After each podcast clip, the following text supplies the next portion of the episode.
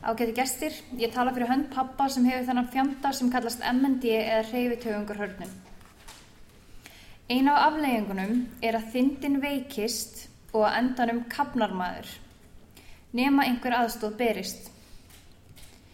Fyrir um tíu árum kvarf jafnvægið hjá mér og til að vera ekki bundin við rúmið öllum stundum fekk ég hjálpartækið hjólastól til að komast um og geta verið heima hjá mér sem lengst. Þegar maður hættir að geta anda, andað þá er skára að fá súröfni. Þau hjálpartæki fást í öllum gerðum. Bæði ígrætt og utanáliggjandi sem hjálpa manni að anda. En hvers vegna langar fólki yfirleitt að anda? Til hvers eru þið að anda?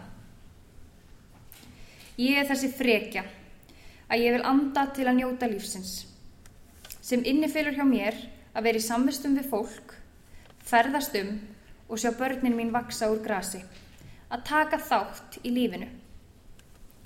Kerfið, þetta sama og skaffar mér hjólastólinn, setur skilirði fyrir nótkunn öndunavélar.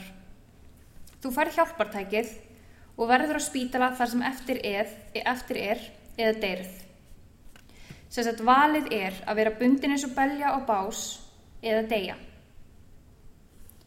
Langflest okkar velja að deyja en það er hitt í raunin ekkert val. Jafnvel þar sem fólki býðst raunverulegt val um aðstóð heima þá velja langt flestir að deyja.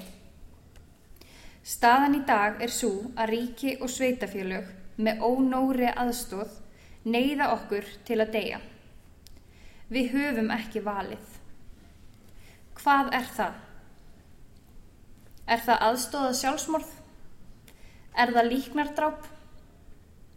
Eða er það kannski morð sem kerfið fremur á þessum einstaklingum til að spara nokkra krónur. Þetta gæti verið löglegt en að mínu viti með öllu siðlust. Takk fyrir.